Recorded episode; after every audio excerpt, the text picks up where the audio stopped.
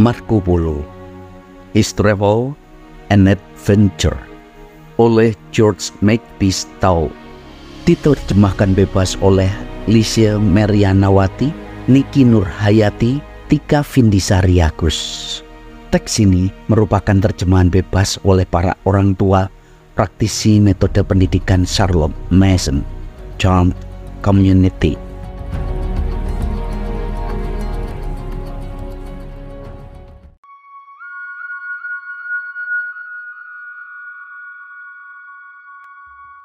Di antara suku-suku yang mendiami Sumatera, Marco menemukan beberapa yang kanibal.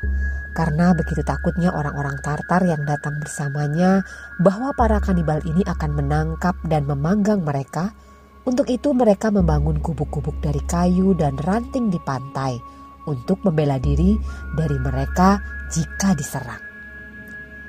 Di salah satu suku, jika seseorang laki-laki jatuh sakit, Keluarganya memanggil seorang penyihir dan menanyakan apakah orang yang cacat itu bisa sembuh. Penyihir, setelah melakukan mantra padanya, berpura-pura dapat memprediksi ini. Jika dia meramalkan bahwa pria itu akan mati, para kerabatnya bergegas mencekik si penderita, memasak tubuhnya, dan mengundang semua teman mereka untuk berpesta dengannya. Mereka sangat berhati-hati untuk memakannya sampai habis karena mereka percaya bahwa jika tidak, jiwa si penderita akan tersiksa, dan setelah itu dikumpulkan tulang-tulangnya dan ditempatkannya di peti mati besar yang dihias dengan indah yang mereka sembunyikan di sebuah gua di pegunungan.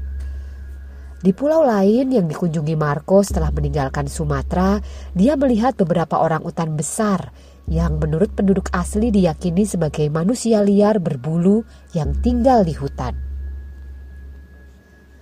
Setelah berlayar selama beberapa waktu di antara pulau-pulau di sekitarnya, Marco akhirnya tiba di pulau yang terkenal dan indah yang kita kenal sebagai Ceylon atau Sri Lanka.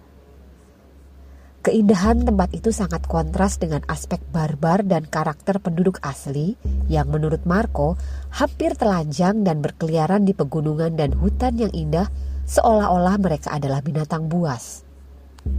Mereka tidak menanam biji-bijian kecuali beras. Mereka juga hidup dari daging hewan buruan yang mereka tangkap di hutan. Tetapi walaupun orang-orang ini primitif, Marco mengagumi banyaknya permata dan keindahannya yang mereka miliki. Yang terutama di antara batu permata ini adalah batu delima yang sangat besar dan cemerlang. Raja negara itu memiliki batu delima yang Marco duga adalah yang terbesar di dunia. Safir, topas, kecubung, dan berlian juga begitu berlimpah. Saat berada di Ceylon, Marco melihat gunung yang tinggi, tak beraturan bentuknya, menjulang dari tengah perbukitan hijau tampaknya mustahil untuk didaki. Tebing-tebingnya menjulang di antara awan dan sering kali hilang dari pandangan di tengah kawanan awan di sekelilingnya. Ia diberitahu bahwa itu adalah puncak Adam dan di atasnya katanya ada makam pendiri agama Buddha terletak di dekat tempat dia meninggalkan bumi. Kubilai Khan telah mengirim utusan ke sana beberapa tahun sebelumnya dan telah memperoleh dua buah gigi dan beberapa rambut yang dianggap milik dewa kepercayaannya.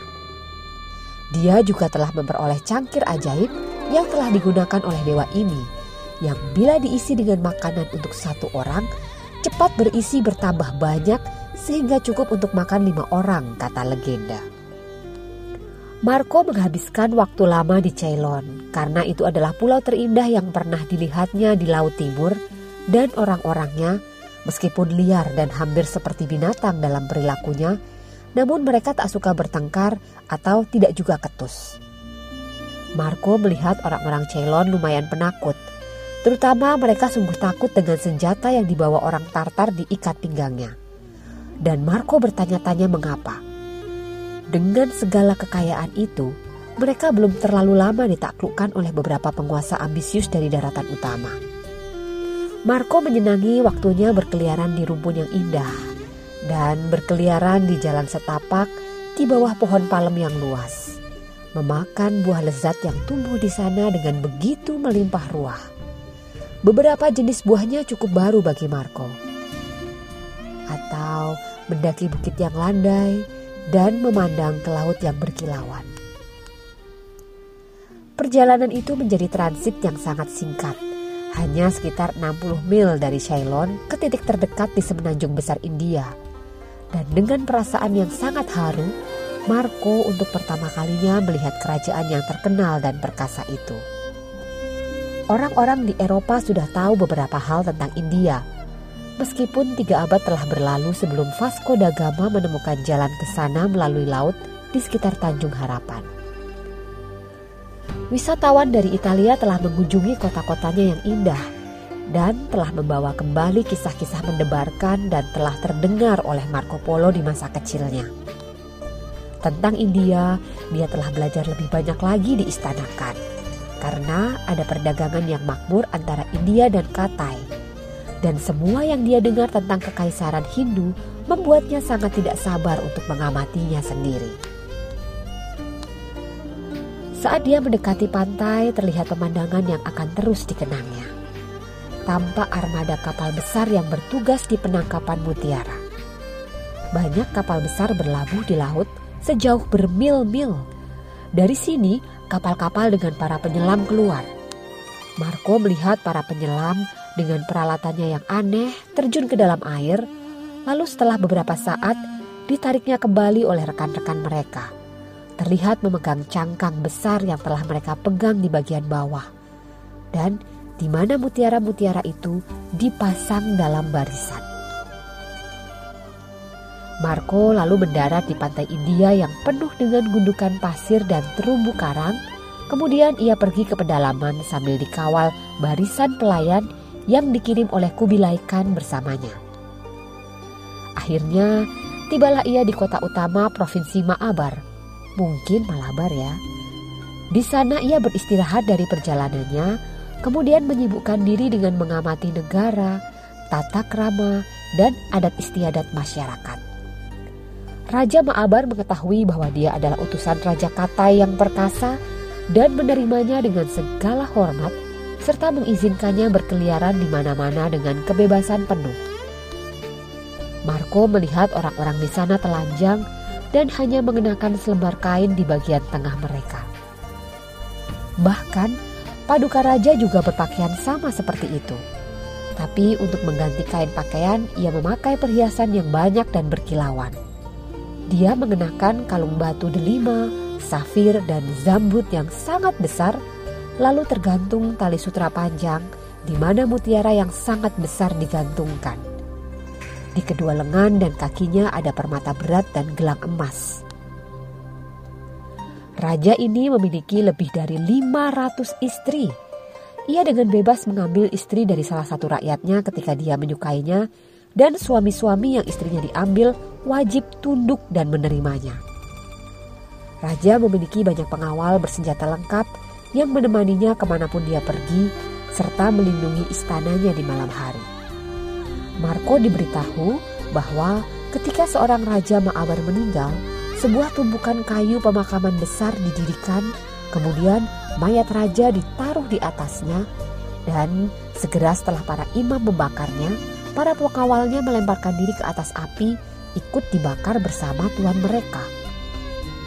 Suatu hari Marco berjalan-jalan di kota yang cukup padat penduduknya ketika dia melihat kerumunan orang mendekat dan di tengah-tengah mereka ada gerobak yang ditarik oleh penduduk setempat. Kerumunan orang itu berteriak dengan penuh semangat. Segera setelah gerobak itu mendekat, dia melihat seorang pria berdiri tegak di atas gerobak sambil memegang beberapa pisau tajam yang panjang.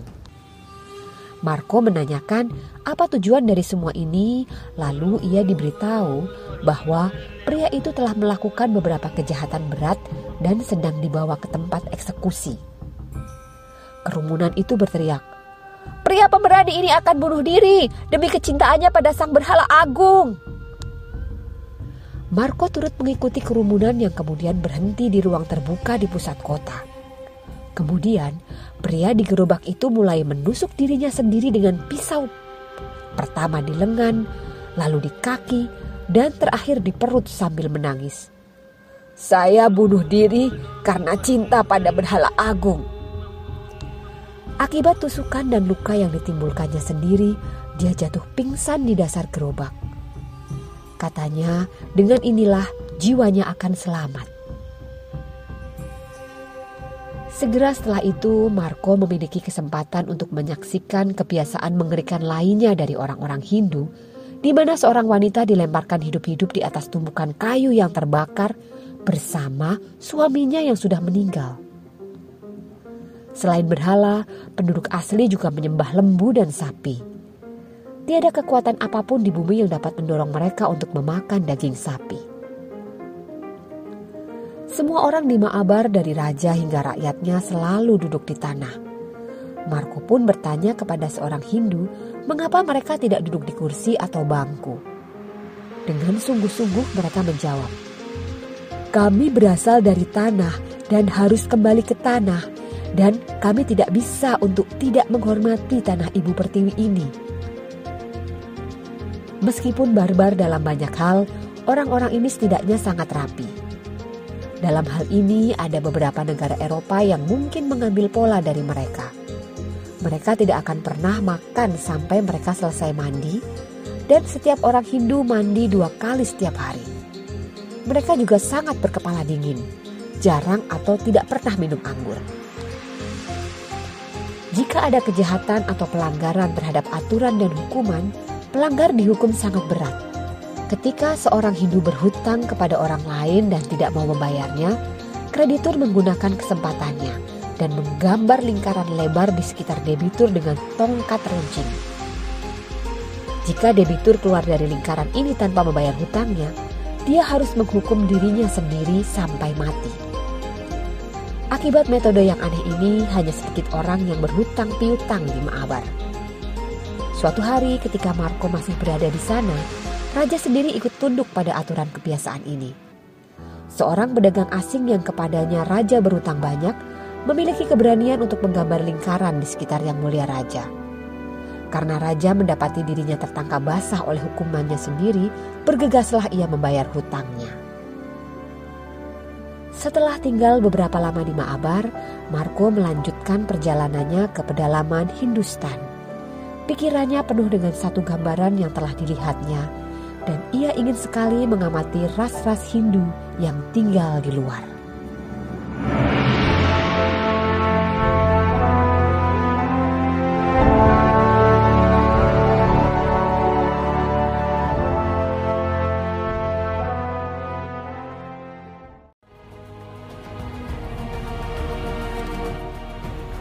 Bagaimana? Menarik bukan? Selamat mengikuti.